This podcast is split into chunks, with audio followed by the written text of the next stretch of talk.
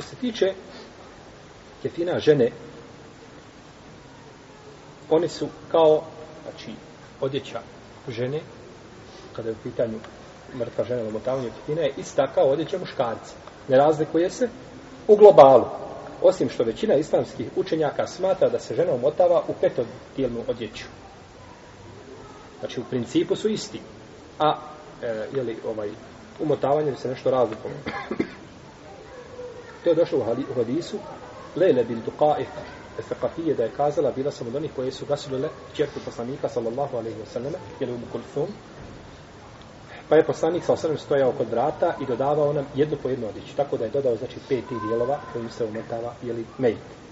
I način umotavanja, ome se opšteno govorili u knjizu dženazinu, znači to pogledat, a način tamo znači opšteno objašnjeno, da sada ne idemo u ovu detalje, znači kako se umotava na staru, pa kako se umotava žena.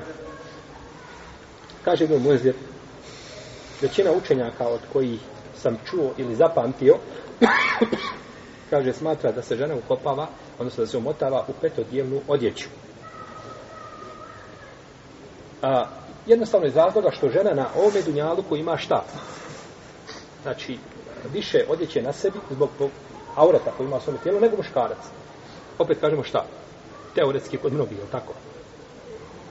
trebala bi žena da ima na sebi više odjeće nego muškarac, jer je njen avret obilniji nego avret kod muškarca. Ovaj.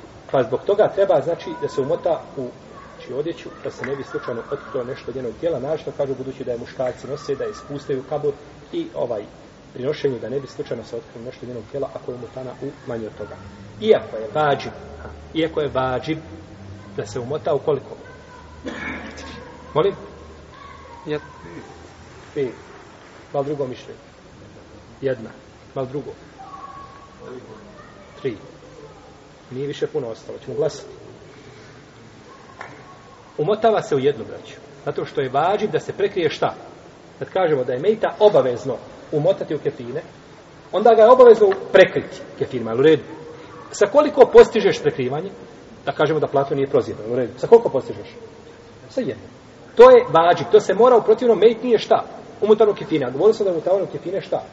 Fardu kifaje, da se to mora uraditi, protiv ono se nosi odgovornost društva muslimansko ili svako ko je mogao to da učini, a nije to, a nije to učinio. Isto tako znači propise žene posle smrti kao što je za vrijeme života. I dozvoljeno je ženu umotati također u svilu. Je u redu? U svilene kefine, jer je to bilo njoj dozvoljeno da nosi za vrijeme šta svoga života. Pa šta je dozvoljeno za vrijeme života? Dozvoljeno je nakon nakon života. Dozvoljeno je nakon života, nema argumenta koji bi zabranio, osim što neki učenjaci kažu, to je mekru sa strane raspanja i meda. Zato što su filovi kepini, kudi kamo skupi, jeli, ili skupli od običnih, od pamučnih ili bilo kakvih drugih, pa onda kažu islamski učenjaci, ovaj preče e, radi nerasipanja i metka da se da se med kopava u kefine koji su znači jeftiniji ili skromniji.